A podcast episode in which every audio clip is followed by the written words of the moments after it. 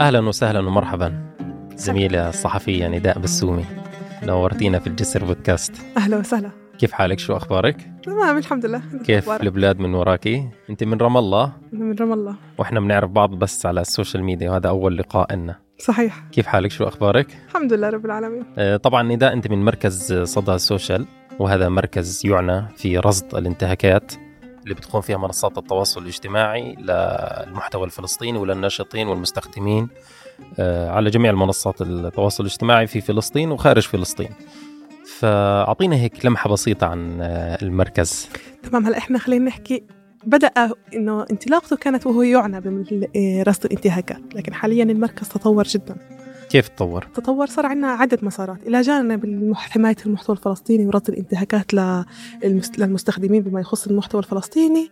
صار عندنا رصد خطاب العنف والكراهية آه، ضد الفلسطينيين سواء من المستوطنين الصادر من المستوطنين أو حتى بين الفلسطينيين بين بعض بفعل الانقسام السياسي والواقع السياسي عندنا بفلسطين عندنا كمان الانتهاكات الرقمية خلينا أحكي آه، بشكل اللي هي تتبع للشرائح المهمشة كالابتزاز والتحرش الإلكتروني طبعا آه، انتحال الشخصية.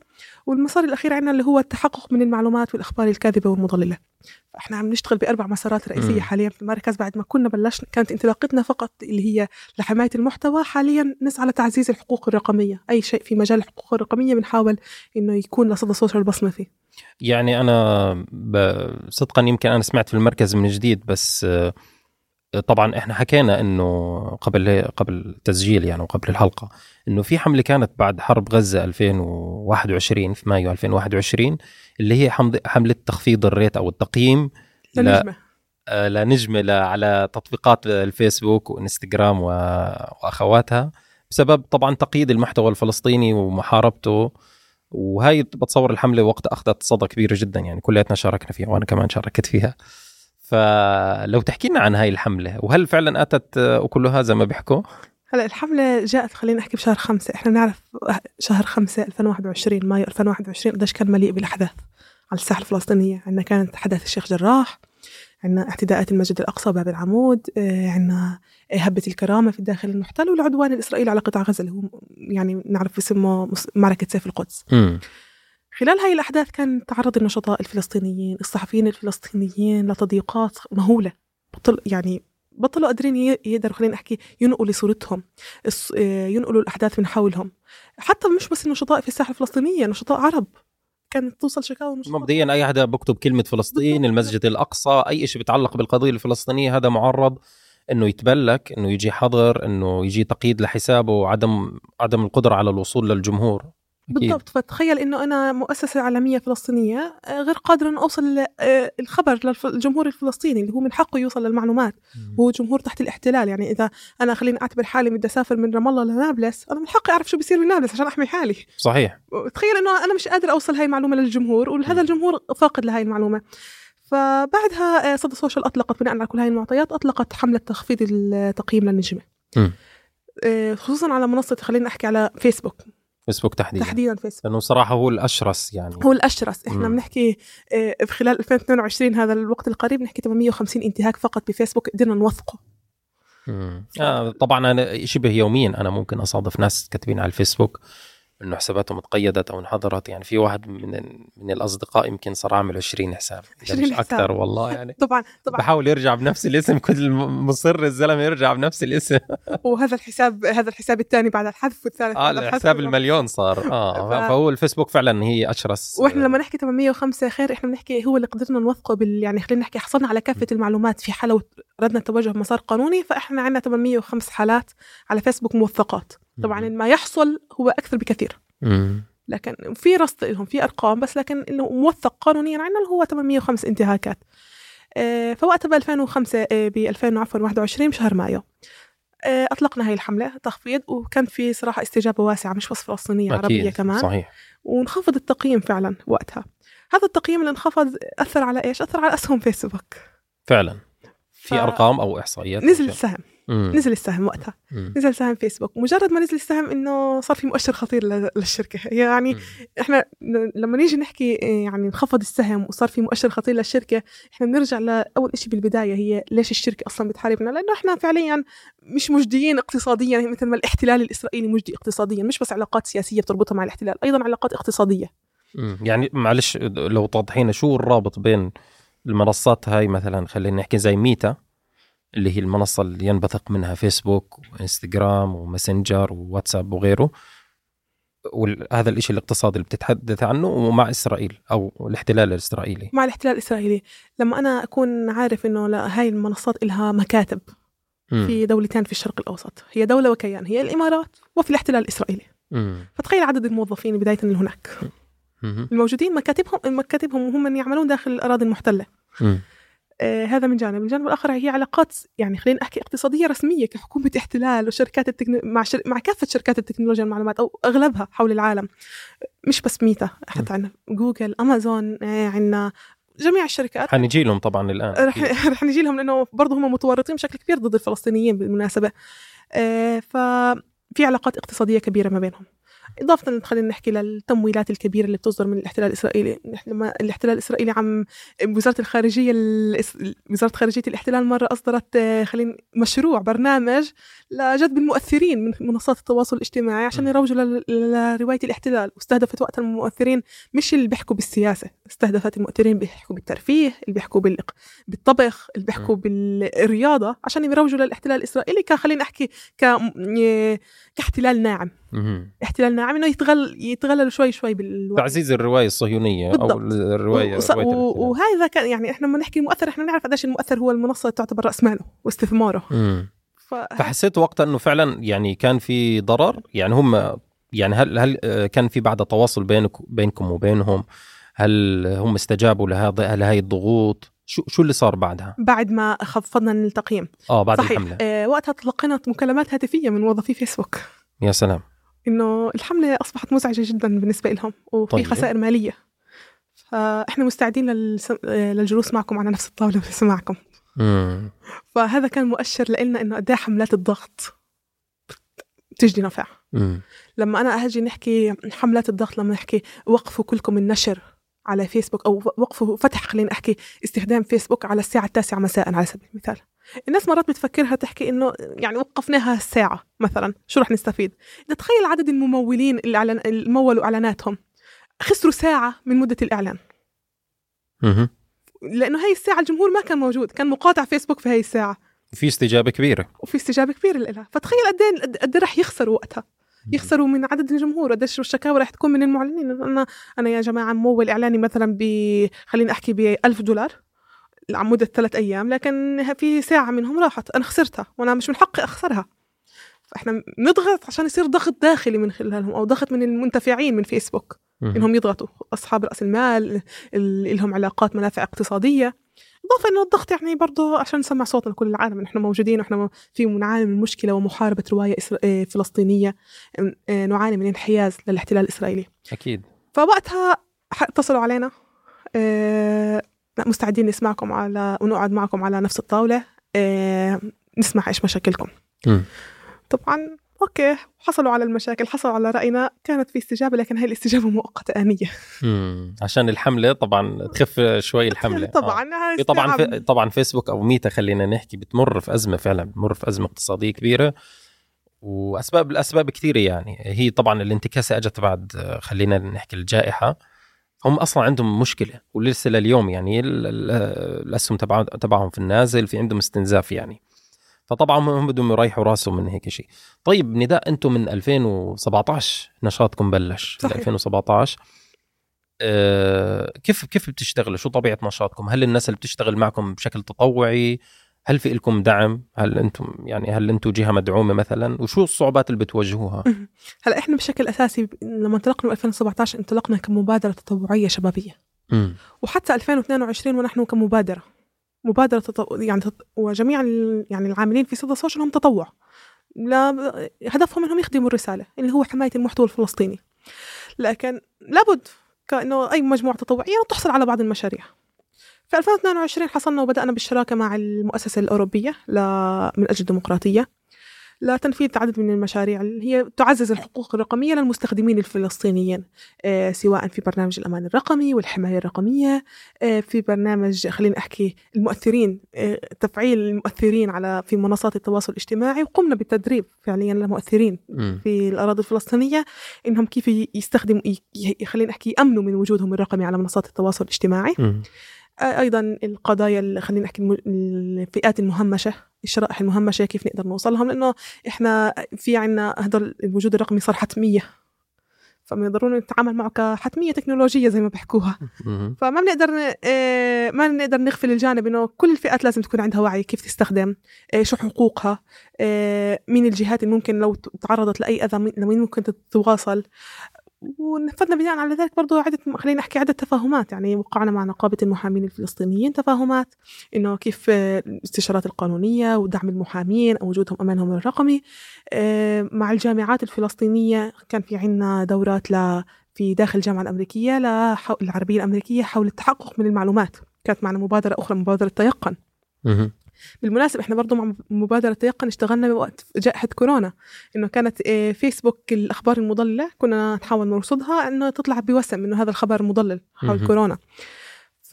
يعني تجربة زي رصد وتحقق من الأخبار والمعلومات. صحيح صحيح. ومش شرط اللي هو بالشأن الفلسطيني بشكل عام. آه بشكل عام مم. بشكل عام لأنه يعني خصوصا وبنركز على الشأن الفلسطيني لأنه إحنا بنعرف إنه إذا طلعت إشاعة مش صحيحه هذا يضر بالرواية. طبعا قد ما كانت الإشاعة قوية وخلينا أحكي آه، تشعل النفوس وبتخليها تشعر بنشوة الانتصار لكنها تضر بالرواية نهائيا. صحيح ونصف الحقيقة طبعا مضرة بشكل كبير جدا. الحقيقة الكاملة وإحنا وإحنا أصحاب قضية قوية. صحيح. ما فيش داعي نكذب فيها ولا داعي نضلل ولا داعي ننشر معلومات كاذبة. آه، ف زي ما قلت مشاريع هي مشاريع مختلفة بنحصل على مشاريع آه، من جهات معينة اللي هي معنية بتعزيز الحقوق الرقمية. حاليا شغالين بمثلا بمركز صدى السوشيال مع مركز التعليم المستمر في جامعة بير زيت. آه، أنشأنا منهاج آه، لصفوف تاسع سابع ثامن تاسع حول الأمان الرقمي كبديل لمنهاج التكنولوجيا.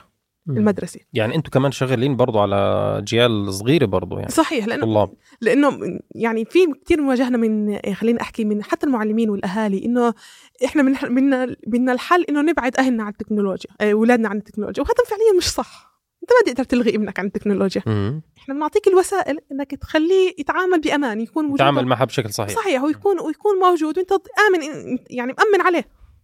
وهذا كانت مشروعنا فعليا مشروعنا مع جامعة بيرزات مركز التعليم المستمر وهو بالشراكه مع ميتا وبالشراكه مع الأنهر كمان وكالة الغوث.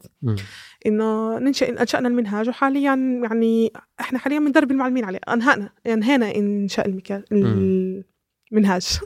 أنهينا انشاؤه وحاليا عم ندرب المعلمين عليه ونسوي يعني يعني فعليا أنتم بتستهدفوا شرائح عدة واسعه من المجتمع الفلسطيني وهذا طبعا يعني جهد مقدر ومشكورين عليه لأنه انت عندك شعب آه، بأكمله بجميع الشرائح هو هو تحت الاحتلال ومعرض لتكميم الأفواه معرض للاختراق معرض للابتزاز معرض لكثير شغلات. طيب خلينا نرجع لنقطة تقييد المحتوى الفلسطيني. يعني صراحة أنا بذكر يمكن بعد فترة حرب غزة الأولى 2009 2010 يعني أذكر يمكن هاي آخر فترة كنت أشوف فيها صفحات على الفيسبوك صراحة داعم للمقاومة. وبعدها يمكن في هذيك الفترة 2010 2011 بلش يصير حذف للصفحات هاي. وبعرف الناس كانوا يرجعوا يعملوها ترجع تنحذف. فالموضوع صراحة قديم. لكن بالسنوات الأخيرة صار الموضوع يعني صاعق تغور. صاعق وكبير جدا ولصفحات إعلامية ومواقع إخبارية وما وما إلى ذلك. بتم حجبها بالكامل. آه كمان إنه بطل الموضوع إنه إذا أنا كتبت بوست بدي أدعم مقاومة أو عملية استشهادية أو أكتب رأيي في هذا الشيء. لا يعني أنت مجرد شغلات آه، بسيطة جدا ممكن تذكر اسم شهيد كموقع إخباري. ذكرت الحدث ذكرت اسم شهيد أنت الآن بتتعرض لتقييد وبتتعرض لحظر فهو الموضوع قديم. فهل في يعني زي ما بنسمع هل في تواصل مباشر؟ خط ساخن خلينا نحكي بين الاحتلال وبين منصات مثل ميتا؟ هل هذا الإشي موجود؟ موجود. موجود بقوة كمان. كيف؟ لو تشرحي لنا توصلي لنا إحنا خلينا نحكي كيف ال... عشان نفهم كيف التواصل نفهم كيف بصير عندنا الحظر. أيوه كيف بالضبط. كيف بصير أول شيء الانتهاكات بتصير عندنا بجهتين إما من الخوارزميات الموجودة أصلا في منصات التواصل الاجتماعي وهي تغذى تغذى من عامل بشري. والعامل تغذى وبتتطور بت- بشكل آه. بشكل مستمر. تغذيتها وتت... يعني بشكل دوري مم. مستمر وبناء على أحداث ممكن في صار حدث على أرض الواقع اقتحموا مدينة جنين في شهيد يتم مباشرة إدخال اسم الشهيد على الخوارزميه بالضبط. وهذا هذا تغذى إما بعامل بشري من خلال العناصر يعني خلينا احكي الموظفين داخل هاي المنصات أو من خلال تواصل مباشر مع الاحتلال الإسرائيلي. إنه الاحتلال الإسرائيلي نحن اليوم رح ندخل هون آه، رح يصير في شهداء مجر... بيعاقبوهم أول بأول خلينا نحكي. وهذا كان هذا كان يعني بهاي السرعة إنه لسه اسم شهيد يمكن الناس ما كانت تعرفه قبل قبل الآن. صارت عملية أو صار اقتحام أو صار شيء على طول. أنت إذا كتبت اسمه أنا بذكر هاي القصة على فكرة صارت وقت وقت اغتيال آه، إبراهيم النابلسي الله إبراهيم. النابلسي إبراهيم النابلسي إذا بتتذكر خير آه، صورة والدته مم. والدة إبراهيم النابلسي كانت لأول مرة تصدر صورتها على الفضاء الرقمي الفلسطيني وقت اغتياله مم. وكنا بنستذكر وقتها الفيديو اللي هي واقفة قدام المستشفى وعم تدعي الله يرحمك حبيبي يا بطل ابني هذا الدعاء الأم المكلوم ال- يعني خلينا احكي المليء بالحزن ابنها استشهد ونفس الوقت في قوة إنه هي قوة تخيل قد إيه أربكت الاحتلال بوقتها بلحظة العملية جميع ال... يعني خلينا أحكي بدون مبالغة جميع الصحفيين نشروا الفيديو. صح. أقل من نصف ساعة. بيلف... يعني خلينا نحكي هواتف وحسابات الموظفين في عندنا في صدى سوشيال ما سكتت. صحفيين ببلغوا قاعدين إنه تم حجبنا بسبب فيديو والدة الشهيد. طب هذا الصورة أول هلا انتشرت هلا هلا هلا تعرف عليها أصلا العالم الرقمي. بالضبط. وفي صفحات كبيرة ضخمة يعني, يعني وسا- وسائل فل... أعلام بستذكر- فلسطينية سكرت بستذكر بستذكر مثلا من الصحفيين صحفية أسيل سليمان. أسيل سليمان كان عندها خمسين ألف متابع. لمجرد نشرها صورة والدة الشهيد نابلسي الفيديو تبعها تم حذفه لحد الآن حذفت على انستغرام مم. وانشأت حساب جديد. لأنها فقط نشرت صورة والده الشهيد. مم. فهذا بدنا قد إنه هم مباشرة غذوهم إنه رح تطلع صورة كذا أو إما غذوها مباشرة أو الخيار الثاني الاستنتاج الثاني ممكن نتوجه له إنه بفعل التبليغات الكبيرة من الجانب الإسرائيلي على هذا المنشور يعني في لجان الكترونيه اسرائيليه موجودة بالضبط. بتترصد للناشطين الفلسطينيين ولبوستاتهم منشوراتهم هي قائمة بس عشان تتابع المحتوى الفلسطيني مم. وتق- وتعمل عليه تقييدات وفي تقرير آه، الربع فصلي لميتا 2022 مهم. صدر يعني من ضمن القدرة ميتا خلينا أحكي تحصد آه، ترصده اللي هو أكثر من 300 حساب وهمي من أنشأت الاحتلال الإسرائيلي مولوا ب 12 ألف دولار مهم. لترويج للرواية الإسرائيلية وإبلاغ عن المحتوى الفلسطيني. يعني ذباب إلكتروني صحيح. ذباب إلكتروني. مم. إضافة طبعا إحنا ما بننسى أي وحدة 8200 في الجيش الإسرائيلي. هاي وحدة خلينا نحكي سايبر وحدة السايبر. اللي هي تتج- تتجسس على الفلسطينيين تبلغ عن آه، محتواهم. يعني تضلها مواكبة أول بأول للأحداث الفلسطينية وخلينا نحكي اللي تقدم وهي علاقتها مباشرة مع مع ميتا. وخط ساخن مباشر. إضافة للعلاقة الرسمية ما بين حكومة الاحتلال. لما أنا باجي بحكي إنه مسؤولة سابقة في فيسبوك اللي هي آه، جوردانا كوتلر حاليا تشغل مديرة عامة لوزارة الشؤون الخارجية في وزارة الخارجية تبعت الاحتلال الإسرائيلي هذا نعرف قد إيه حجم العلاقة. هي مم. مسؤولة سابقة في فيسبوك. مهم. حاليا في وزارة علاقة الخارجية. عميقه جدا. علاقة عميقة جدا واتصالات رسمية. طيب نداء هذا ال هذا ال هذا الشيء يعني لأي درجة موجود في المنصات الأخرى؟ يعني أنا أنا أنا برضه بيجي ببالي موضوع ازدواجية المعايير مثلا لما نيجي نحكي عن محتوى هاي الحرب اليوم آه، بتكمل تقريبا سنة الحرب الروسية الأوكرانية. لما نيجي نحكي عن موضوع أوكرانيا وروسيا في ازدواجية معايير في دعم كبير جدا لأي محتوى بنحكى فيه عن أوكرانيا حتى لو كان المحتوى هذا قاسي حتى لو كان في جثث حتى لو كان في تشويه حتى لو كان في كل هذا الشيء وما. بكون في مشكلة فيه وهذا الموضوع إحنا راصدينه لأنه إحنا صحفيين لكن لما يجي الحديث طبعا عن فلسطين لو زي ما حكيت فيديو لأم شهيد بصير هنا بده طوال الضوء block. الأحمر stop ف نفس الشيء مثلا موضوع الإيجور. يعني هذا الشيء برضو أنا لاحظته رغم من هي طبعا قضية إنسانية وهذا شعب مسلم يتعرض للاضطهاد من الصين. لكن لأنه في غاية سياسية بين آه، في مشكلة سياسية بين أمريكا والصين المحتوى ال- مثلا بنحكي على الإيجور مثلا الموجود خلينا نحكي على منصات التواصل الأمريكية ما في مشكلة تقريبا فيه. لكن طبعا في مشكلة وين؟ في التيك توك اللي هي طبعا منصة منصة صينية. إحنا للأسف الفلسطينيين محاربين على جميع على المنصات جميع. الكل زعلان منا والكل بعرف فينا يعني برضه أنا اللي بعرفه أنا مش موجود على التيك توك صراحة.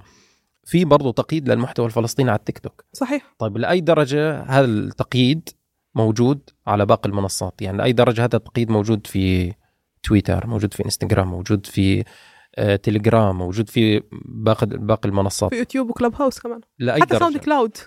يعني أنا ممكن أعتقد إنه ممكن تويتر أنا موجود بشكل نشط على تويتر ربما هو الأقل شوي تليجرام ما بعرف ما بشعر إنه في مثلا تقييد تمام هل هذا الكلام صحيح هلأ هو خلينا نحكي كان صحيح حتى فترة معينة قريبة.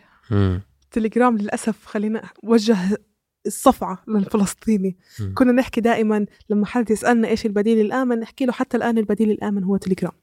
لكن مو آخر السنة الماضية وطبعا تليجرام روسي يعني. تليجرام روسي. آخر السنة الماضية نحن نعرف مجموعة عرين الأسود. ومجموعة عرين الأسود هي طنجت على تليجرام بشكل أساسي وبياناتها على تليجرام. السنة الماضية تم تليجرام حذف ست بيانات للعرين. يعني الشن الموجودة لكن البيانات آه. الداخليه انحذفت حذف حذفت ست بيانات للعرين. وكان وقتها الإعلام العبري عنون بطلب من إسرائيل تليجرام يحذف عرين الأسود. مهم. فهذا كان فهذا يعني أربكنا. إنه تليجرام هل تليجرام رح تدخل على خط الانتهاكات. بعد ما كانت هي اللي يعني خصوصا إنه صار في خلينا نحكي زي هجرة من الصحفيين إنه كلهم فتحوا حسابات على تليجرام. ومنص قنوات صحيح فهل تليجرام رح يدخل بالانتهاكات وهذا الخوف إذا بلشوا إذا بلشوا بعرين الأسود معناها مستقبلا رح يصير في أكثر. و... وتليجرام والتيك توك مربوطين أكثر زي ما أنت حكيت هو بالعلاقات مدى علاقة رضا روسيا والصين مع الاحتلال الإسرائيلي راضيين روحوا على الفلسطيني اقتصوا منه امحوا. هو بحكي لك يعني إحنا. صراحة محتوى المحتوى الفلسطيني يعني عنده مشكلة مع الكل يعني. طب ما لأي الامر لأي درجة الأمر موجود كمان في تويتر؟ تويتر موجود لكن تويتر يقف أكثر شيء يعني خلينا نحكي الانتهاكات بناء على البلاغات المقدمة مش الخوارزميات. يعني إنه هذا الح... هذه المنش... تويتر حصلت عليها بلاغات قدمت بلاغات من قبل الاحتلال الاسرائيلي ضدها. أكثر من الخوارزميات بعكس منصات ميتا وبعكس منصة آه، خلينا نحكي اللي هي تيك توك. تيك توك على الخوارزميات. في بلاغات لكن الخوارزميات بشكل أكبر كثير. طبعا منصات ميتا هي الأعلى خلينا نحكي. إحنا سجلنا بعام 2022 1230 انتهاك. منصات ميتا نحكي فيسبوك إنستغرام وواتساب آه، 1060 تقريبا انتهاك. هذا اللي تم رصده يعني. هذا خلينا نحكي لناشطين. توثيقه. توثيقه بالنسبة حتى لناشطين أو صحفيين بارزين. بالضبط.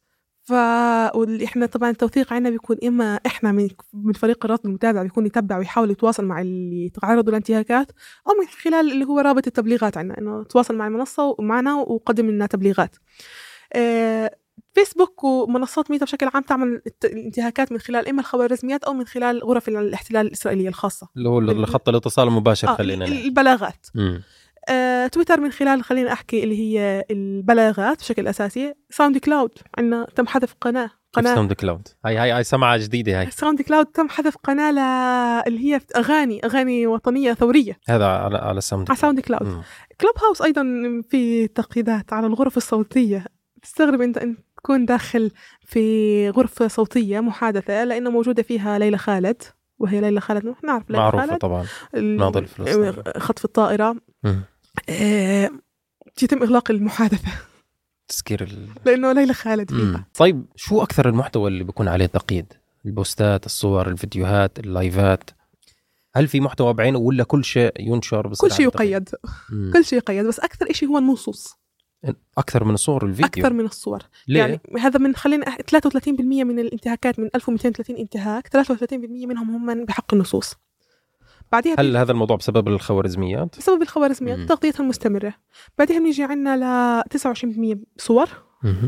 وتقريبا 18% فيديوهات مم. إيه. يعني بكون عملية التقييد أكثر على الفيديو يعني هذا هذا هذا ليش بسال هذا الس- السؤال لأنه هذا ممكن يقودنا لسؤال إنه كيف ممكن أتلاعب مع هاي الخوارزمية؟ أو كيف ممكن أتهرب منها؟ أو كيف ممكن أتحايل عليها؟ هل مثلا أنشر فيديو بدون عنوان وبدون كابشن بدون شيء وارميه زي رح يلقطه آه بس يمكن بده وقت لما يحلل لا لا لأنه الخوارزميات ما بتتغذى فقط بالكلمات بتتغذى أيضا بالصور. يعني مم. مثلا صورة كثير من الأسئلة بتوجد وجهت لنا إنه أنا نشرت مثلا صورة آه، الشهيد ال- وديع الحوح على سبيل المثال. مم. وديع وهو في البلده القديمة ومع أصدقائه وينشد ويعني صورة ليست عسكرية. لماذا تعرضت للحظر. هنا فبيكون إنه الخوارزمية مغذية بصور وديع من 360 درجة. فهي تعلم وليد وديع مع سلاح أو بدون سلاح هو وديع. فيتم حظرها وقراءة الصورة انه هي اللي وديع. بس خلينا قبل ما ننتقل للخلين تحايل. للتحايل مم. في في موقف خل يعني ببكي بنفس الوقت يعني أنت بتضحك عليه. وقت استشهاد إبراهيم النابلسي. إحدى المنشورات إحدى المؤسسات الصحفية نشرت صورة إبراهيم النابلسي واستشهاده ف كان من ضمن التعليقات مواطن فلسطيني. عادي كاتب عليه الله يرحمه. طب حضره عشان كتب الله يرحمه. فأنت تش... هم رجعوا الهاء لإبراهيم النابلسي. لحالهم قعدوها ما بتعرف. بس على الأغلب إنه قدم فيه بلاغ.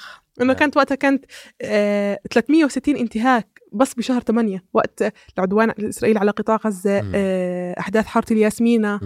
الاعتداءات واضح إنه في لجان قاعدة وهي شغلتها وعملتها شغلتها فقط إنها تقدم. المحتوى الفلسطيني. وقبل أي عملية وقبل أي اقتحام وقبل أي تصعيد آه، موجودة وجاهزة وبتترصد للمحتوى الفلسطيني. تترصد. طب كيف نتحايل عليها؟ كيف نتحايل عليها؟ هلا آه، نحن لا نفضل أول شيء كلمة تحايل.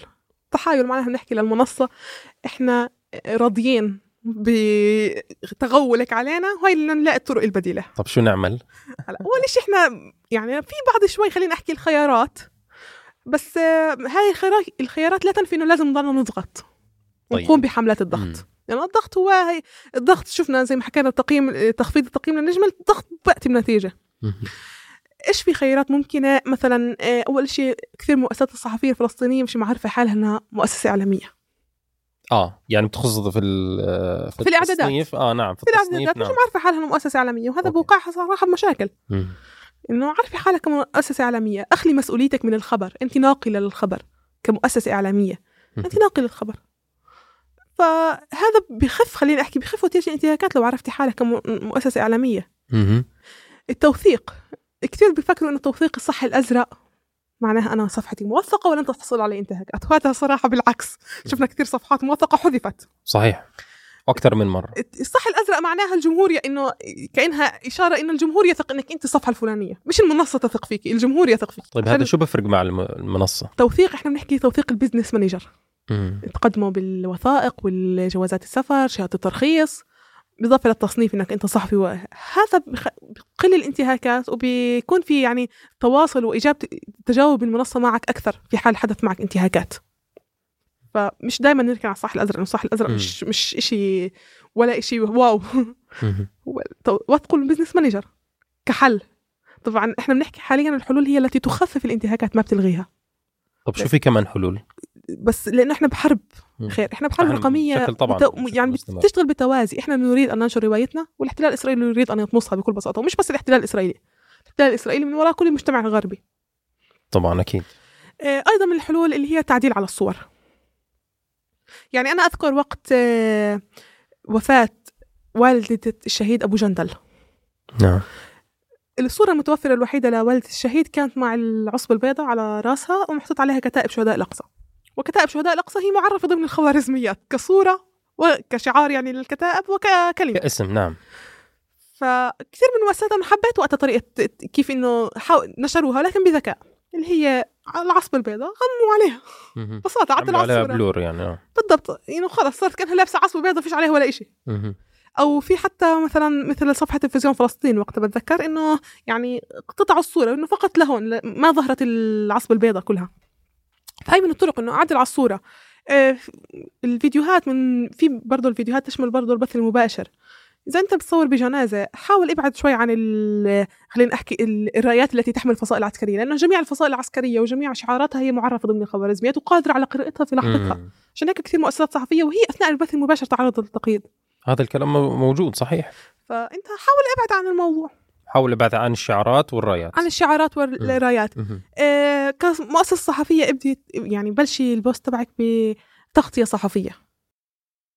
تغطية صحفية. حتى حتى تعرف الخوارزميين أو أو الميتا أو ال- بالضبط إنه انت أنت صحفي وأنت تنقل الخبر. طيب بشكل عام لما أنا يجيني block أو يجيني تقييد أو يجيني يعني هذا الإجراء من قبل الفيسبوك أو أي منصة أخرى. شو أعمل؟ شو أعمل بالضبط؟ أول شيء نحن بنحكي ارفض الخ... ارفض التقييد. دائما في عندك. يا accept يا اللي هو disagree with decision. أرفض هذا القرار. دائما أرفض القرار. طب وإذا رفضت شو راح يصير؟ أرفض القرار معناها شغلتين. أول شيء إنك أنت بتحول إذا كانت هذا المنشور من خوارزمية هي التي انت يعني هي التي اعتبرت فيه مخالفة فأنت بتحوله لمراجعة العامل البشري. إنه يقرا ويفهم سياقه. مثلا وقت استشهاد عدي تميمي. آه، عدي تميمي من شعفاط وقت عمليته هي عم... يعني أول عملية نفذها في شعفاط فبعض المنشورات اللي تقيدت لأشخاص كاتبين إنه بس أنا في طريقي إلى شعفاط خلص البوست. مم. فاعتبروا كلمة شعفات ربطوها بعدي التميمي فتم حظر هاي الخوارزميه ما في خوارزميه أو الروبوت اللي هو يعني آه، أنت بتتعامل. مع شيء آلي آه، هو افترض إنه هذا الشيء مرتبط بعدي التميمي. أوكي. يعني الابلاغات أو ال- عفوا ال- ال- البلوكات أو ال- الحظر اللي بيجينا أو كذا هذا بيجي من شيء آلي في البداية. في البداية في شيء مش من عامل بشري. صحيح. مم. إلا في حال كان في بلاغات ضخمة من قبل الاحتلال الإسرائيلي ضده. مم. هون بك بك- يعني نتخيل إنه في شاشة عنا فبضوا لهم هون شيء أحمر إنه في هون مشكلة بهذا المنشور. أوكي. في كثير بلاغات عنه فوقتها بشوف العنصر البشري. فمجرد طيب بعد ما اعمل تجاهل؟ آه. أرفض أرفض القرار مش مم. اتجاهل أرفض القرار. أرفض القرار. أرفض القرار. آه معناها أنا حولته للعامل البشري إنه هو يراجعه وهذا في احتمالية يعني نسبة منيحة إنه هم يعتذروا لك عن الخطأ. أوكي. ويفكوا التقييدات. الشيء الآخر إذا إنت عملت موافقة على هذا القرار إنت يعني أنت وافقت إنه أنت م- وبتحرم اخترقت القوانين أو إنك كتبت شيء. صدى سوشيال الخير إنه هي تروح تدافع عن حقك لأنه لو راسلناهم بيجوا بيحكوا لنا إذا هو موافق أنتوا شو دخلكم؟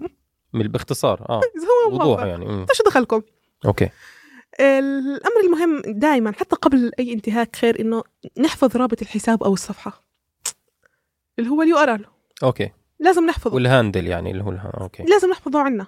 على note على نرسله لحدا من منصة ثانية. بحيث لو انحذف انت تكون يكون موجود عندنا. أوكي لأنه هو حيطلبك حيسألك إياه. لا وحتى إحنا يعني لما تيجي تتوجه لنا إحنا نطلب الرابط. بدون رابط إحنا ما بنقدر نشتغل. يعني مثلا نداء بسومي في يمكن في تلاقي ألف ح- حساب مسمي حاله نداء بسومي. عن مين نداء بسومي أنت بتحكي؟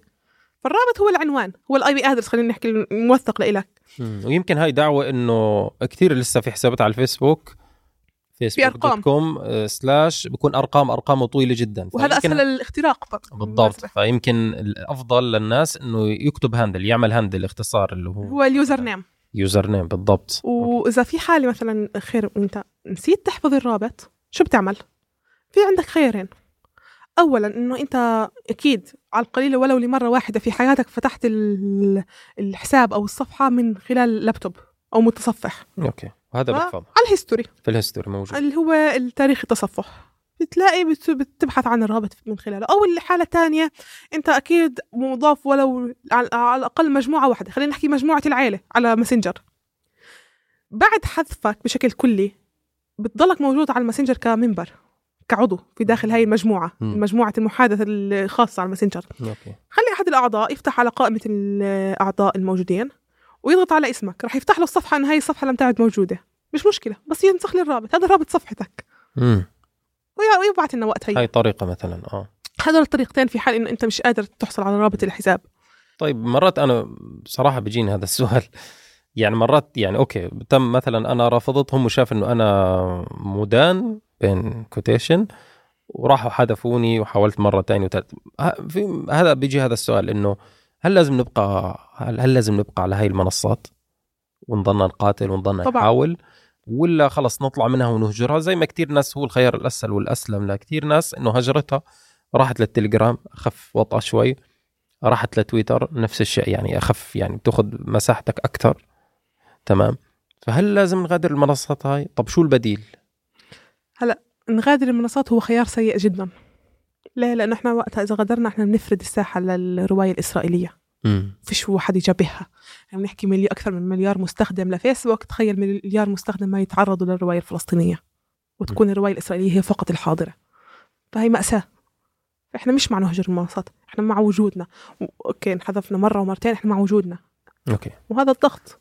إحنا نشكل ضغط بالنهاية. م. مش ومش شيء سحري إنه نقدر نكون بحرية رأي تعبير كامل عليها. بس على القليل إحنا موجودين.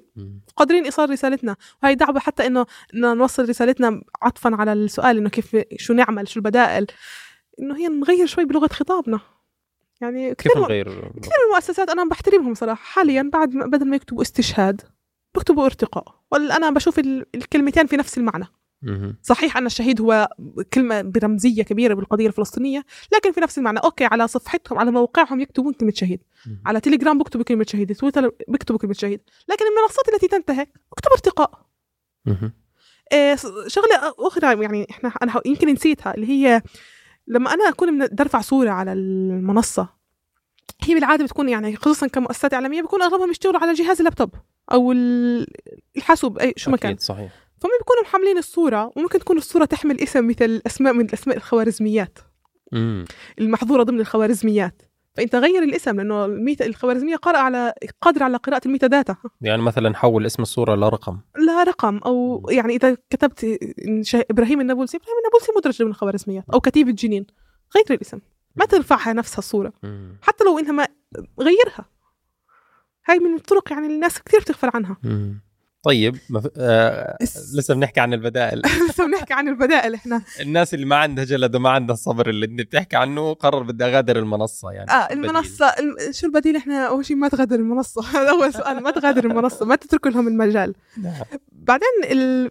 في كثير من ال... خلينا احكي بعض الناس اللي بيحاولوا يبتكروا. بيحكوا بدنا نشكل منصة عربية تحترم المحتوى الفلسطيني. صراحة هو خيار حلو جميل. بس في مشكلة كبيرة فيه. إنه أنت مش ع... مش حتوصل للجمهور الآخر. يعني حتى لو أنت أنشأت إنه توصل للجمهور الآخر وكان عامل بس أنت مش أنت بتتعامل مع دول هي اللي رح تسمح لك إنك ت... إنه هاي المنصة تفتح داخل هاي الدولة الفلانية. ولا, ولا حيتم حظرها. ولا يتم حظرها. مم. فتخيل منصة مثلا تروح تحترم المحتوى الفلسطيني وتحكي عن المستوطنين وتحكي عن الاحتلال الإسرائيلي في ألمانيا. معاداة سامية مجرد بيعملوا لها. شت داون آه، وخلص ما نعم. راح ينسد على المنصة. بالضبط. هي مشكلة كبيرة. مم. فلا أنت برأيك إنه لازم نضل على هاي المنصات؟ ونحارب. ونحارب. ونحارب. قاتل حتى آخر نفس. حتى النفس الأخير. ونتحايل. نفسهم أطول. طويل إحنا نفسنا أطول. بالضبط لأنه هذا صراع وهو يعتمد على بالضبط. على الصبر وصراع آه، رقمي يعني إحنا مش الحرب الحرب بطلت بس فعليا على طبعا الواقع. أكيد جزء كبير من رقمي. الحرب هي حرب وهي- سيبرانية وهي فعليا خير تزايدت وتغولت بشكل كبير بعد أحداث مايو 2021 لما ليش؟ كل شعوب العالم مم. طلعت وحملت علم فلسطين وقتها حس الاحتلال قد إيه في مشكلة هي الرواية الإسرائيلية أو الصهيونية بتتراجع وروايتنا بتتقدم كبرت وفي مشاهير وفي ناس في هوليوود وفي ناس وقفوا مع الفلسطينيين. بالضبط. طبعا هدول بخسرهم. فهذا خطر صار بالنسبة لهم. فوقتها تصاعدت ووقتها بناء على ذلك ببدايه 2022 تمت المصادقة بالقراءة الأولى على في الكنيسة الاسرائيلي على قانون فيسبوك. اللي هو قانون فيسبوك اللي هو ملاحقة أي فلسطيني بكتب بتهمة بت- على مواصلة التواصل الاجتماعي بتهمة التحريض على العنف والإرهاب والكراهية. وبالتالي ممكن اعتقاله ممكن واعتقاله. محاكمته. حتى خلال ست أشهر من 2022 تم اعتقال 450 فلسطيني بهي تهمه التهريط على مواقع التواصل الاجتماعي حسب مركز الغربية. دراسات الاسرى بالضفة الغربية والقدس. والقدس. فهي مشكلة. يعني مثلا الزميله لم لما بغوشه لما غوشه عفوا. لما غوشه تم اعتقالها وحاليا حتى اللحظه أكثر من ست أشهر حبس منزلي بسبب تهمة التحريض على مواقع التواصل الاجتماعي. وقت أحداث النقب اعتداءات النقب آه، نتذكرها بداية 2022 نعم. إحدى الطالبات في جامعة النقب مريم أبو قويدر نزلت بتلفونها ب- ب- بجوالها وعم بتصور قاعدة ال- الاعتداءات كيف الشرطة والانتهاكات الإسرائيلية. كيف الشرطة الإسرائيلية عم بتحاول شرطة الاحتلال عم بتحاول تهجر بدو النقب نعم. مجرد إنها نش... نشرت ستوري وهي طالبة في الجامعة في جامعة النقب تعرضت لحبس وحاليا هي تخضع للحبس المنزلي مم. بتهمة التحريض على مواقع التواصل الاجتماعي فهذا ببين لنا قديش الموضوع مهم وقديش وقد هم معركة وقديش هم معركة. مرعوبين من الموضوع بالضبط آه، في السنة الماضية آخر يعني ممكن نحكي بشهر 9 10 تقريبا آه، طلع بني جانس وقت ما كان لسه بعده بالوزارة إنه سنحارب المحتوى الفلسطيني. ما مرت 24 ساعة. كبرى الصفحات الفلسطينية تعرضت للتقييد. ومنها انحذف. نحن بنحكي من تعرض لتقييد شبكة قدس الإخبارية. تعرضت للتقييد. القسطل. صفحات كبيرة جدا. وعليها تفاعل كبير جدا. وعليها تفاعل. نحن القدس نحكي أكثر من 7 مليون. مم. تعرضت لتقييد. ووقتها كان الدافع لصدى سوشال إنه أطلقنا عريضة. اللي هي توقيع وقعت عليها أكثر من 60 مؤسسة إعلامية في في فلسطين. طالب ميتا بتكف عن عن محاربتها الخبر الفلسطيني. الفلسطيني بده يحكي. إذا أنت okay أمريكا دائما تتحجج إنه هي تلتزم بم- بمعايير كونها شركة أمريكية تلتزم بالقوانين الامريكيه مم.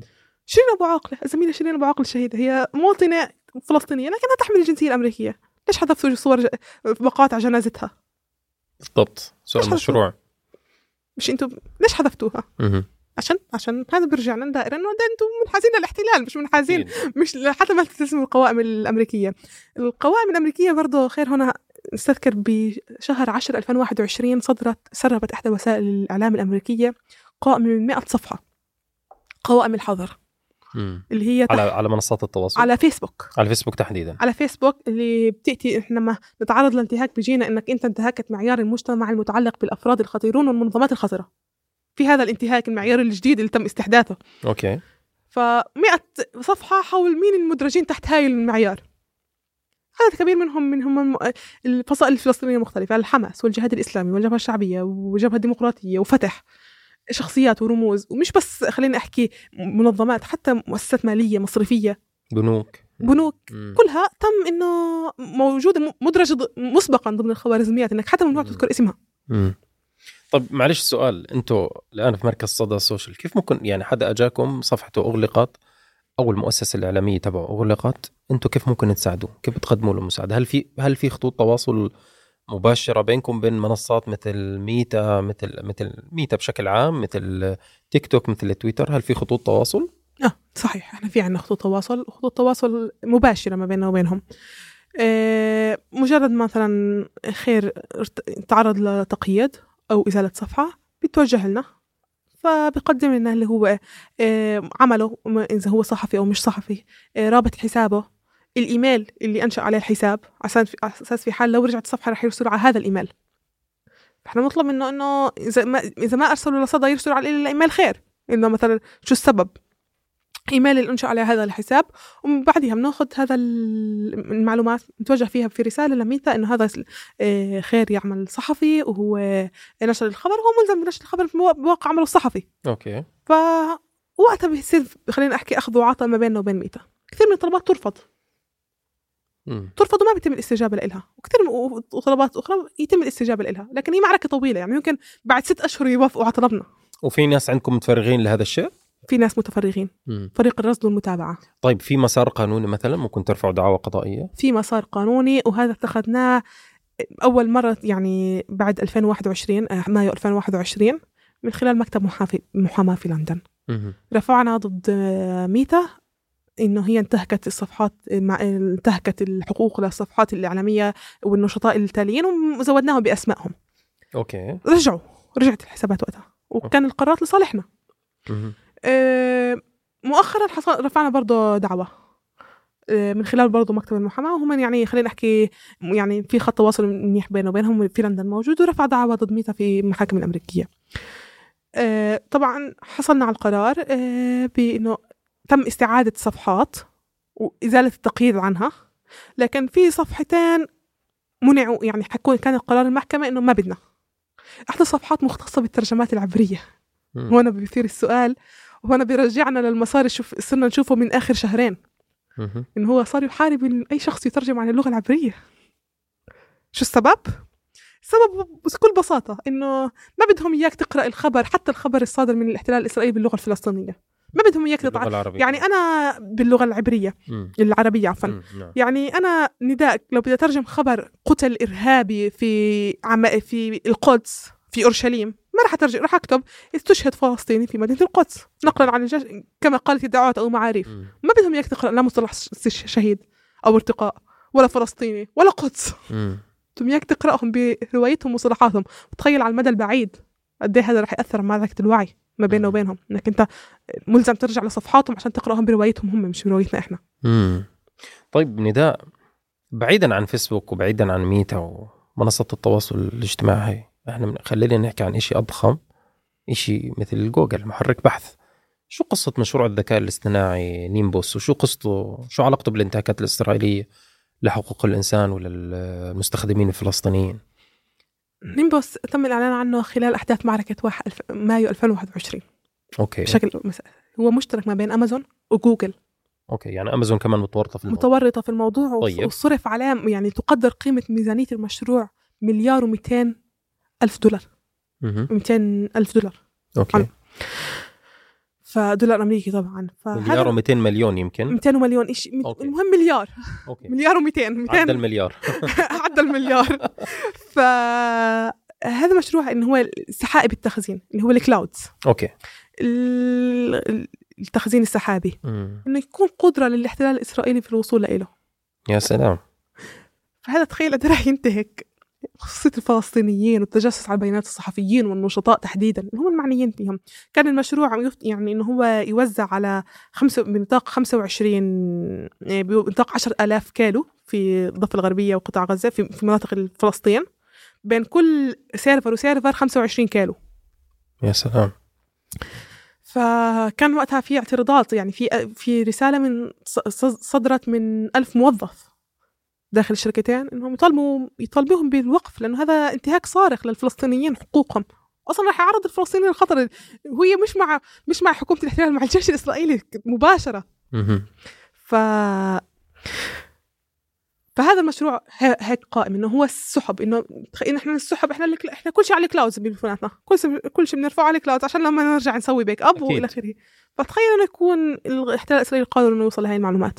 okay. طب هذا المشروع بعده مستمر. مست... مستمر؟ بعده مستمر. وفي وهل هل هل وجدتوا هل في حالات تم إثبات إنه تم اختراق التخزين السحابي تبعها لا هو بعده في طور التأسيس. okay طور التأسيس. طور التأسيس. لكن ما صارت لسه حالات اختراق أو انتهاك؟ أو يمكن الناس تم انتهاكها أو ما يمكن بتعرف. يمكن. مم. إحنا يعني ما رصدنا صراحة. آه، بس حسب ما بس يعني حسب ما عندي معلومات إنه في حاليا حركة المقاطعة. BDS وإحنا وقعنا مع حركة المقاطعة BDS اتفاقية. okay. حركة المقاطعة آه، تتجه إنه في حملة مقاطعة ضخمة لأمازون وجوجل. okay حملة شغالة الآن. آه. مهم. بسبب هذا المشروع. هذا المشروع كارثة لبيانات المستخدمين الفلسطينيين. هو الفكرة وين؟ الفكرة إنه مش في طرف طرف ثالث أنت موجود والمنصة هاي موجودة أو خلينا نحكي الجهة هاي. الفكرة إنه مش طرف ثالث اجى واخترقك. وأخذ معلوماتك وسحبها. لا المنصة اللي أنت مستأمن عليها معلوماتك وصورك الشخصية. وإيميلاتك و... هي بتعطي معلوماتك للاحتلال. وهذا شيء يمكن غير مسبوق ولا صار قبل هيك؟ صار قبل. وين؟ صار قبل. نتذكر وقت ما دخلوا المستعربين على قطاع غزة. مم. إحنا أول ما نبلش محادثة الماسنجر أو واتساب شو بتكون جاينا؟ إنه هاي المحادثة الثنائية بينك وبين المستخدم فقط ولا يحق لاي حتى للشركه فيسبوك أو ماسنجر إنها تطلع عليها. طيب. وقت ما دخلوا المستعربين على قطاع غزة وتداولوا صورتها النشطاء صور المس... ست مستعربين أعتقد أو خمس مستعربين. مم. تم حذف الصور من الماسنجر محادثات ماسنجر. okay. محادثات خاصة وتم حذف ال... تم حذفها. مم. هذا الموضوع موجود. موجود. والآن ال- الموضوع خطير جدا إنه بده يصير في منصة أو بده يصير في مكان زي جوجل اللي هو محرك بحث وأنت أصلا ما في حدا إلا موجود عنده جيميل موجود عنده إيميل موجود عنده ال clouds موجود عنده الأمور هاي. هذا شيء خطير جدا. خطير جدا وجوجل مش مش أول إشي ولا أول انتهاك لل... ولا أول انحياز للاحتلال الإسرائيلي جوجل بيعمله. إحنا طيب. خرائط جوجل ما لحد الآن مش متعرفة في فلسطين. آه طبعا. إذا أنت إذا أنا مثلا على ال maps ما إذا أنا برام الله فتحت ال map بلاقي حالي مستوطنة. مم. فلأنه هي هي تعتبر إنه جميع هاي الأراضي هي أراضي إسرائيل بين قوسين okay. فهي حتى طب في عندكم حملات أو نشاطات لهذا الموضوع؟ في كانت عندنا حملات مشاركة يعني م- م- تتجدد الحملات حول الموضوع مطالب في. جوجل إنه بتعريف فلسطين على الخارطة. ممكن نشوف حملات زي تخفيض التقييم ولا أكيد. حتكون صعبة مع جوجل؟ لا بتخيل إنه أكيد لأن في بدائل بتخيل ممكن ممكن يكون. في بدائل. وطبعا في أكثر محرك في بينج في في كثير محركات ياندكس في كثير محركات بحث طب إحنا الفكرة خير؟ شو اللي بيعطي المنصه قيمتها؟ استخدام الجمهور لها امم إذا الجمهور قاطع ممكن تأثر. امم إحنا ما بدنا المقاطعة بس تكون على الفلسطينيين إنه هم اللي قاطعوا. إحنا بنحكي عن أكثر من 200 مليون عربي. طبعا هذا رقم ضخم. ونحكي عن آه، كم مناصر للقضية الفلسطينية حول العالم. دول كل تكاتف مع بعض رح يكون النتائج مهولة. أنا دائما بحكيها لو إحنا قادرين كفلسطينيين إنه نأثر اقتصاديا بشكل مباشر على ميتا ميتا رح تنحاز لنا مش الاحتلال لأن بالنهايه شركة شركة خاصة. بهمها مصلحتها بهمها فلوسها. اقتصادها وأرباحها. لو إحنا قادرين انه يكون تأثيرنا اقتصاديا أعلى من تأثير الاحتلال رح تنحاز لنا أنا. متأكدة من هذا الموضوع طيب هذا الموضوع يعني خلينا بقودنا صراحة لموضوع بيجاسوس اللي هو برنامج بيجاسوس للاختراق. هل الحالات اللي تم اختراقها طبعا أكيد آه، هذا طبعا يباع والآن لا مش بس ل... يعني هو موجود أصلا هو إسرائيلي ويباع لكل الحكومات القمعية. هل في وصلتكم حالات آه، في الأراضي الفلسطينية تم اختراقها من قبل بيجاسوس وكيف بتساعد؟ كيف ممكن نساعدهم كنشطاء أو صحفيين؟ هلأ وصلتنا حالات ما وصلتنا حالات كصدى. okay. لكن تم اختراق في في الأرض الفلسطينيه مهم. مثل خصوصا وقت أحداث المنظمات الستة اللي تم تصنيفها على أنها إرهابية. okay. آه، منظمات حقوقية. منظمات حقوقية طبعا. آه، بنحكي عن أبي عبودي اللي هو كان من مركز بيسان مم. للأبحاث مم. وتم تعرض لبيكاسوس أوكي. صحراء فرانسيس مؤسسة الضمير. لحقوق للأسرة مم. آه، ف أنتم شو دوركم. هون هل بتساعدوا الناس اللي هل هل ممكن تساعدوهم انه هل إنه تم الكشف إنه هذا الجهاز مخترق ولا لا أو حتى بعد الاختراق كيف ممكن تساعدوهم تمام هلا إحنا أول إشي مش جهة تنفيذية. فاحنا غير قادرين على أخذ يعني خلينا احكي يعني أي مؤسسة حقوقية هي غير جهه تنفيذية هي جهة ضغط وتوعية إحنا بنق- بنقوم من خلال دوراتنا وتدريباتنا ورجع عملنا توعية الصحفيين إنه هو كيف تعرف أول شيء علامات إنه هل جهازك مخترق أو لا. هذا الشيء بتعطوه. نعطي. ضمن- بشكل مجاني ولا الجميع بشكل مجاني طبعا. مم. مش شرط يعني بس للنشطاء والصحفيين. بشكل لكل من يطلبه. بشكل مجاني لكل من يطلبك وجهنا قبل فترة دعوة إنه إذا أنت مثلا موجود بمكان وحاسس إنه المحيط من حولك آه، بحاجة لدورات أمن رقمي توجه لص- لصدى سوشيال. هي قادرة إنها تعطي دورات حول هذا الموضوع. ورح نعطيها بشكل مجاني طبعا فنعطي توعية حول الموضوع إنه كيف الأعراض وفقط خلينا نحكي استشارات بسيطة إنه مجرد ما اكتشفت إنه مثلا جوالك صار يخلص بطاريته بسرعة. آه، بطيء صاحبك حكى لك وصلتني رسالة وأنت مش فاعتها معناها في في بس. خلينا نوضح لأن كثير ناس يمكن كثير ناس تسمع بيجاسوس بس ما بتعرف شو التكنيك اللي بصير بالضبط يعني كيف بصير الاختراق؟ بيغاسوس؟ بكل بساطة كيف بصير؟ بيغاسوس خ... خلينا نحكي بيغاسوس ومن- منصات الاختراق الثانية أو آه، برامج الاختراق الثانية. بيغاسوس صفر click. okay zero click بسموه. zero click. okay. ما في داعي إنك تضغط على رابط عشان ينزل بيغاسوس. مجرد اتصال هاتفي. ممكن اتصال هاتفي. مم. ممكن رسالة على الواتساب. ممكن. مجرد إنه بس هم قدر قدروا يعرفوا ال IP address تبعك يبعثوا لك رسالة أو كذا هم فعليا اخترقوك okay. هم يعني هذا برضه دعوة إنه ما نخوف. هو فعليا بيكونوا مستقصدين الناس لأنه حتى بس إحنا شعب يعني تك... تك... تحت الاحتلال ومعرضين لهذا الشيء. بس تكلفة تشغيل بيغاسوس عالية للبرنامج للهاتف الواحد. فمش أي شخص ممكن. آه فمش أي شخص لأنه من هي هي شركة والتك... تكلفه تكلفة إنه أشغل بيغاسوس على جهازك كثير عالية. آه طيب شو في برامج أخرى أو برامج أخرى اللي هي يعني تحت التصيد الاحتيالي. اللي هي توصلك رسالة غريبة تضغط عليك لكن إذا نزلت برنامج يعمل بالخلفية. أوكي. آه، كثير من للأسف بسبب واقعنا الفلسطيني خير اللي هو ال- العاملين داخل الأراضي المحتلة واللي عليهم أمن منعي آه، أمن منع منع امني منع أمني نعم. اللي عليهم منع أمني آه، بيضطروا ينزلوا تطبيق المنسق وهذا أخطر تطبيق. شو تطبيق المنصه تطبيق المنسق هو من- يعني تطبيق إسرائيلي طبعا. منسق ال- المنسق ال- ضبط الجيش الاحتلال القائم الشؤون المدنية في الأراضي الفلسطينية هدى والسامرة وقطاع غزة زي ما هم بيحكوها. بسموه نعم آه، بيسموها. فهذا التطبيق بنزلوا إنه أنت لازم لما تكون عامل داخل الاحت... داخل الأراضي المحتلة كفلسطيني لازم تنزل هذا التطبيق. لازم فرضا عليك ولا لا يصدر لك تصريح. أوكي. لو بدك تفحص تروح تصدر تصريح لازم تنزل هذا التطبيق. لو بدك تفحص هل عليك منع أمني لازم تنزل هذا التطبيق. هو. إجبار وليس خيار. مم. هذا التطبيق لو تروح على شروط الاستخدام والخصوصية. مكتوب فيها انه هو تع... إنه هذا التطبيق يمكن أن تشارك مع تطبيقات طرف ثالث وهو غير مسؤول عن أي برامج يتم تنزيلها ولا يحق لك كمستخدم إنك تراجعنا قانونيا. أوكي. فتخيل قد إيه أنت كل تلفونك موجود عندك. موجود معهم. هم أصلا هم القادرين يوصلوا لك بدون ما التطبيق المنسق. هم القادرين يوصلوا الاحتلال الاسرائيلي بس هذا يمكن تكلفة بسيطة جدا جدا. تكلفة بسيطة. مجرد إنك تنزل التطبيق أنت كل شيء كل شيء معه أصبحت محام... م- مباح وعاري تماما أمامهم. بالضبط. مم. فتطبيق المنسق هو تطبيق تجسس يعني مم. على مستوى فلسطين تجسس نعم. وتجسس. قادر على معرفة كل الحركات اللي عندك على الجهاز حتى فتح الكاميرا. إحنا فتح الكاميرا مش إشي صعب. إذا بنتذكر وقتها في مسلسل اللي هو لكاسا دي بابيل. ببساطة يعني هو فرجاك لمحة كيف الح... يعني أجهزة المخابرات بتشتغل إنه لما كانت الأجهزة م- معلقة على الحيط و... ومطفية حتى هم مطفينها بس وقتها صار في مشكلة داخل ال- عملية الخطف فأجت أحد الرهائن مسكت التليفون شغلت المخابرات طوال الكاميرات. على طول. على طول شافت الكاميرا الأمامية والخلفية. وهذا مش شيء مش شيء يعني ضرب من الخيال لا هو شيء موجود مم. مم. بسهو- بسهولة تستطيع طب شو في كمان. أشياء ممكن نحذر الناس منها اللي هي ما تضغط على روابط أي رابط أنت غير ما بتعرفه ما تضغط عليه. إيه، حتى لو صديقك صديقك المقرب بعت لك رابط اسأله رن عليه تليفون ممكن مش هو اللي بعته ممكن هو دخل على تطبيق مشبوه وهذا التطبيق لحاله ممكن يرسل رسائل بشكل أوتوماتيكي ببعت رسائل. للناس مثلا مثلا كثير من التطبيقات اللي هي بتسحب البيانات وممكن تنزل خليني أحكي إيه تطبيقات وبرامج تشتغل على الجهاز الأجهزة اللي هي الأسئلة هدول اللي كيف سيصبح شكلك بعد عشر سنين إيه احكي برجك شو راح يحكي عنك. هاي كوارث. هاي كوارث. كوارث من كوارث الزمن. هاي كوارث كبرى. وبتسمح فيها فيسبوك لأنه بالنهاية هي مستفيدة من الموضوع. مستفيدة بالضبط منها. مم. فما ت... ما تضغط عليهم أصلا لأنه أنت ما بتعرض بس حالك للاختراق أنت بتعرض الآخرين للاختراق.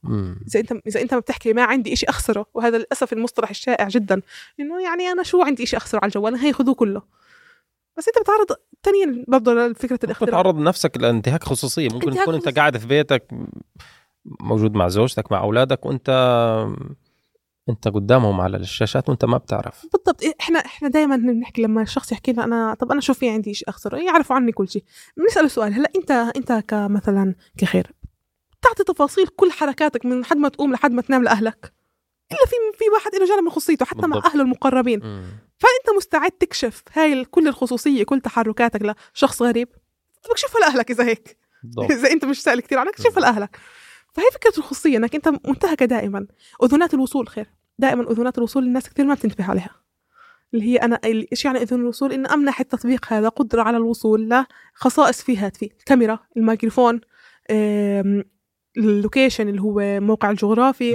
آه، أجهزة است- استشعار الجسم العلامات الحيوية ال- مساحة التخزين قوائم الاتصال سجل المكالمات الرسائل ال SMS هذا موجود في الأندرويد والآي اللي هو يعني جميع الأجهزة. مم. جميع الأجهزة. وأنت بتقدر تتحكم فيه. تتحكم فيها ودائما قبل ما تنزل تطبيق مم. فكر لما يجي يحكي لك مثلا بدي انزل تطبيق طبخ. تطبيق طبخ شو بده بالقوائم الاتصال تبعوني؟ بالضبط. بده يرسلهم طبخات اليوم؟ ما راح يرسلهم طبخات اليوم. فلازم الناس تكون صاحية لهي النقطة. يعني تفكر بمنطقيه ليش بده يوصل لهذا لهذا ال- ال- خلينا أحكي ال- ال feature أو الخاصية داخل جوالي. آه، ال location. أنت okay في بعض المستخدمين برا بيضطروا يفعلوا ال location عشان موضوع ال GPS إنه بدهم يستخدموا الخرائط آه، فبيضطروا يفعلوا بس مجرد ما خلص وصلت للمكان بدك إياه اطفيه ليش تخليه دائما موجود مم. عندك؟ وفي خاصية اللي هو الاستخدام إعطاء ال location أثناء استخدام التطبيق أثناء مثلا. استخدام التطبيق وفي والمطالبة التطبيق بعدم التتبع هاي لازم يعني بالضبط لازم نعملها. مم. لازم الكل لازم يفعلها. آه، وهي على فكرة أحد أسباب المشاكل بين أبل بين أجهزة الآيفون وبين جوجل على هذا الموضوع. في نزاع كبير بينهم على هذا الموضوع إنه آه، أبل بيعتبر إنه هذا عفوا جوجل بيعتبر إنه هذا يعني خصوصا برضه كان مش بس جوجل لا عندك فيسبوك وغيره وغيراته. إنه أنت كشركة هاتف لما تمنعني أوصل لكل شيء في في التليفون المستخدم عن طريق التطبيق أنا بخسر طبعا وشو الحجة تبعهم إنه موضوع الإعلانات وأنا بدي أعرف كيف أستهدفه بالإعلانات طب هو الإعلانات حاليا بتقوم كلها إنك تعرف الموقع الجغرافي الكلمات المفتاحية الجنس ذكر ولا أنثى. العمر مم. فإذا انت شوي قيدته فأنت فعليا حتى الإعلانات لم تعد موائمة لك كمستخدم مم.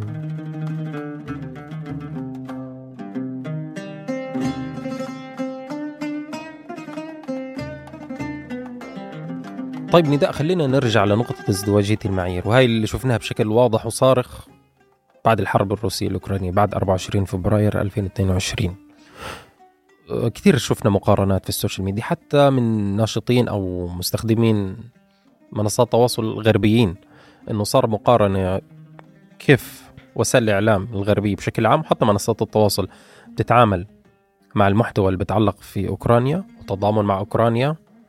والمحتوى اللي بيتعلق بالمحتوى فلسطين. الفلسطيني وحتى صوروها الكاريكاتير إنه فيسبوك مغمض عينه على أوكرانيا مفتح عينه على فلسطين بالضبط فهذا هذا بحطنا بالضبط بازدواجية المعايير خير إنه كيف مثلا إنه أوكرانيا في القانون الدولي هي دولة محتلة حسب ما بيتعامل معها ال- الغرب والأمريكا دولة محت... تم تعرضت احتلالها. للاحتلال تعرضت نعم. للاحتلال. فتخيل إنه هي مسموح لها إنه آه، تدعو للتجيش والأسلحة ودعم أسلحة وتنشر صور القتال وتفتخر بالعمليات وتهلل لها آه، وعادي منشور صور الر- الرئيس وخلينا نحكي الجيش الأوكراني وهو يدعو للقتال قتال الروس. لو بس جينا حتى الكتائب ال- خلينا خلينا نحطهم يعني بين قوسين. المرتزقة برضه في طبعا كثير ناس قاتلت مع مع روسيا وفي ناس قاتلت مع. أوكرانيا بس هم مقاتلين أجانب. برضه كمان ما كان في مشكلة كان بالعكس مشكلة. تشجيع وترويج كبير. جدا. هذا ب... هذا بيرجعنا لموضوع إنه كيف العالم الغربي بنظر إنه هي بالأساس إنه هي مش معايير أخلاقية اللي بتحكم. هي معايير قوى سياسية وموازين. العالم الغربي راضي عن أوكرانيا وهو مع أوكرانيا فبالتالي منصات التواصل مع أوكرانيا. مم. العالم الغربي مش مع فلسطين فبالتالي هم أكيد مش مع فلسطين. يعني فلسطين في القانون الدولي هي دولة تعرضت للاحتلال. صحيح إنه تعرف الاحتلال الإسرائيلي عن أنه الاحتلال للاراضي 67 فقط. فقط. لكنه حتى إحنا 67 مش قادرين ندافع عنه رقميا. بالضبط بالضبط. ومستوطنات مش قادرين نحكي عنهم. فهي هي الازدواجية. على سبيل المثال وقت ما بلشت الأحداث الأوكران... الحرب الأوكرانية الروسية في صورة صورة عهد التميمي. مم. في الصورة المشهورة إلها وهي قدام ال... خلينا نحكي جيش الاحتلال. ورف... جندي. لا مجموعة جنود رافعة إيدها. نعم معروف الصورة أكيد. تم تداولها بشكل كبير وقت الحرب الأوكرانية الروسية إنها فتاة أوكرانية تواجه الجيش الروسي. يا سلام. تم تداولها. آه، أبلغنا عنها أنها هي صورة غير دقيقة. هي صورة فلسطينية. آه، تق... هاي جيش احتلال. تم حذف الصورة. كان آه. آه، تم حذف الصورة. أعتقد هذا شيء مضحك يعني جداً. طبعا طبعا عنونت إنه هي إنه بدعوى إنه هي معلومات غير دقيقة ومضللة. بس هو. فعليا هذا هذا مؤشر إنه من هاي السياسات اللي بتحكم. بالضبط. يعني لو ما حدا بلغ كان ضلت موجودة. مم. بس لو إحنا اجينا نحكي عنها إنه هي فلسطينية بنفس الوقت كان حذفت صورتنا. مم. حتى حتى مش بس الحرب الأوكرانية الروسية خير اللي هي بينت ازدواجية المعايير المعايير وقت أحداث آه، حارة الياسمينة. و... وقت ما دخل جيش الاحتلال آه، وقتل إبراهيم النابلسي ورفاقه. آه، وقتها أصدر الجيش الجيش الاحتلال فيديو إذا كنت متذكره هو كيف نفذ العملية. آه طبعا. ونشره طبيعي. مجرد ما تداولت المؤسسات الإعلامية تم حذف الفيديو بدعوى المحتوى العنيف والصادم. يعني هو محتوى نشره الجيش الاحتلال؟ ما كانش وقتها محتوى عنيف وصادم بس لأنه فلسطيني نشر هو محتوى عنيف وصادم. ليش؟ لأنه فلسطيني عنونه. بالاعتداء الإسرائيلي على مدينة نابلس آه، واللي خلف شهداء خمس ثلاث شهداء في وقتها. مم. صحيح. فعشان هيك تم تصنيفه محتوى عنيف وصادم. وطبعا سلسلة الازدواج سلسلة خلينا نحكي الأمثلة اللي بتدل على الإزدواجية كثيره جدا. ولا تنتهي ولا ولن تنتهي. ولا تنتهي ولن تنتهي بالض... صح. ولن تنتهي بالضبط. خ... إزدواجية خطاب الكراهية المنشور. مم. الفلسطيني الفلسطيني بالمناسبة هو لا يقول خطاب كراهية م... مباشر. إنه هو يعني إحنا لما نشوف الفلسطيني ما ما في عبارات عندنا بال... بلغتنا الفلسطينية إنه أقتل مستوطن أو كذا إحنا دائما نهلل بالعملية بعد حصولها. صحيح. بس ما في عند دعوات مباشرة للقتل. مم. على عكس المستوطنين حتى هذا تهليلنا بالعملية هو يحارب رقميا. على عكس المستوطنين المستوطنين اقتلوا الفلسطينيين وقت العرب. اقتلوا العرب. وهذا مرة خضنا تجربة. آه، وقت آم، أحداث مايو 2021 كان في عنا غرفة رقمية لحملات إعلامية للضغط. على منصات التواصل الاجتماعي. فوقتها خضنا تجربة كتبنا الموت للعرب باللغة العبرية. من نفس الحساب ولم تغلق. يا سلام. باللغة العبرية. مم. على نفس الحساب كتبنا الموت لإسرائيل باللغة العربية مباشرة تم آه، آه، وقف الحساب. مباشرة. يا سلام. هاي التجربة كان لازم صراحة تسجلوها فيديو وتعرضوها لنا على طول. فهاي التجربة فهي فهي ببين قد في ازدواجية كبيرة بالمعايير. ليش يعني مثلا آه، نائب نائب بلدية القدس الإسرائيلي يحرض على النشطة المقدسية آلاء السوس؟ يحرض يحرض عليها بشكل مباشر بعد على عملية. بعد عملية آه، خيري علقم. في تحريضات طالت كثير من الصحف النشطاء المقدسيين. ليش مسموح له؟ وإحنا ممنوع عنا. مم. ليش مسموح له هو يحرض وانت شايف هذا التحريض وبتغمي عينيك عنها؟ وهذا بيقودنا برضه خلينا احكي مشكلتنا في التواصل. الاحتلال للأسف هو حتى دبلوماسيته الرقمية أقوى منا. هو يتواصل بشكل رسمي كحكومة رسمية مع الاحت... مع ميتا والمنصات الأخرى. بينما إحنا ما عندناش حكومة تدافع عنها بينما إحنا أو تتواصل للأسف. مع هاي المنطقة آه إحنا مش مش مش تواصل رسمي بين حكومتين بين حكومة ومنصة.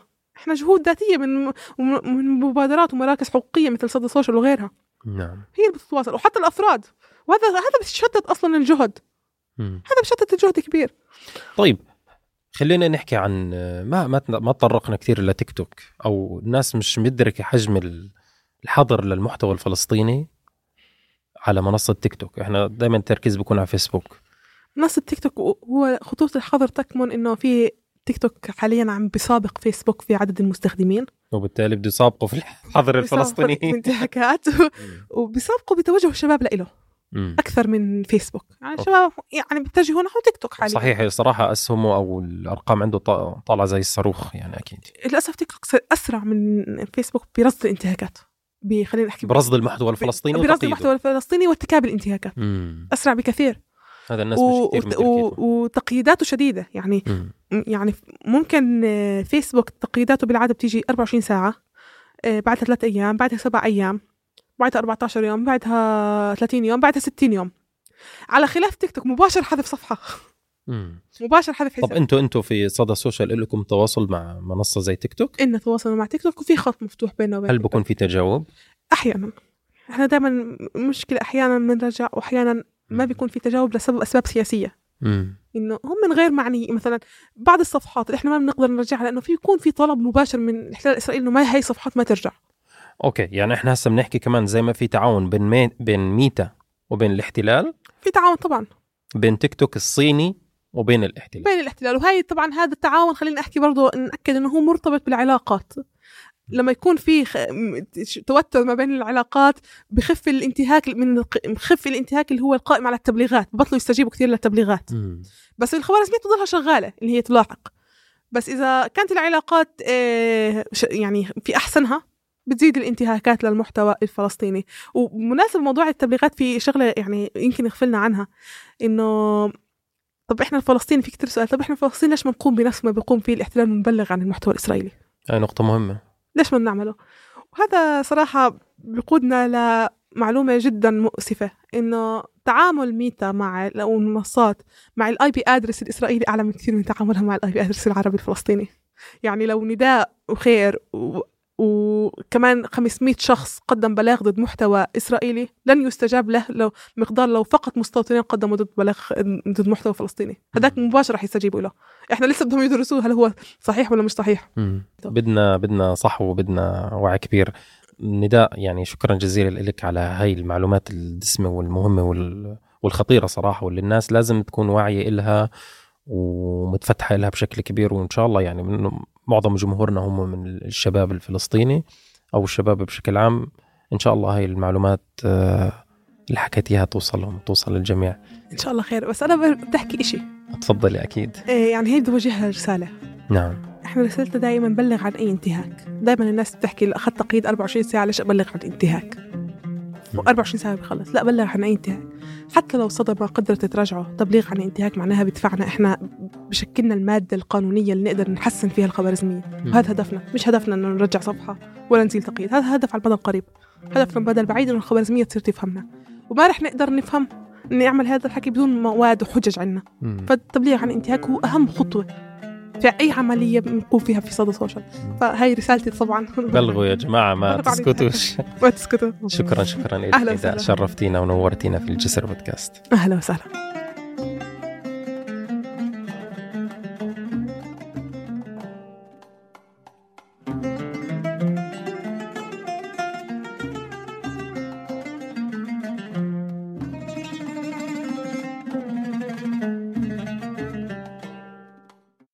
كنت أسألك إنه آه إحنا هسه طول الوقت قاعدين بنحكي على الانتهاك اللي بيجي من اتجاه الاحتلال مم. طب في انتهاك من قبل السلطة في انتهاكات من قبل السلطة مش من حق للمستخدمين العاملين بمجال الحقوق الرقمية مم.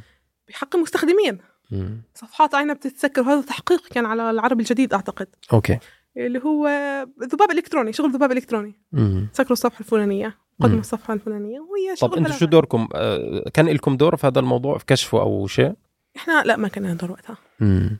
إحنا بس دورنا إنه إحنا لأنه إحنا غير قادرين نعرف مين الجهة اللي بلغت أوكي يجينا الانتهاك بعد ما يصير الانتهاك بس في اتهامات من المستخدمين أو الصحفيين أو الناس هاي إنه والله آه بس مثلا بتقريرنا سنة سنة 2021 مهم. كان في كلام عن إنه في ضمن التقرير إنه كثير من المنشورات تم اغلاقها بفعل السلطة. هذا ذكرناه داخل تقريرنا مم. هذا الكلام موجود موجود داخل تقريرنا سنة 2021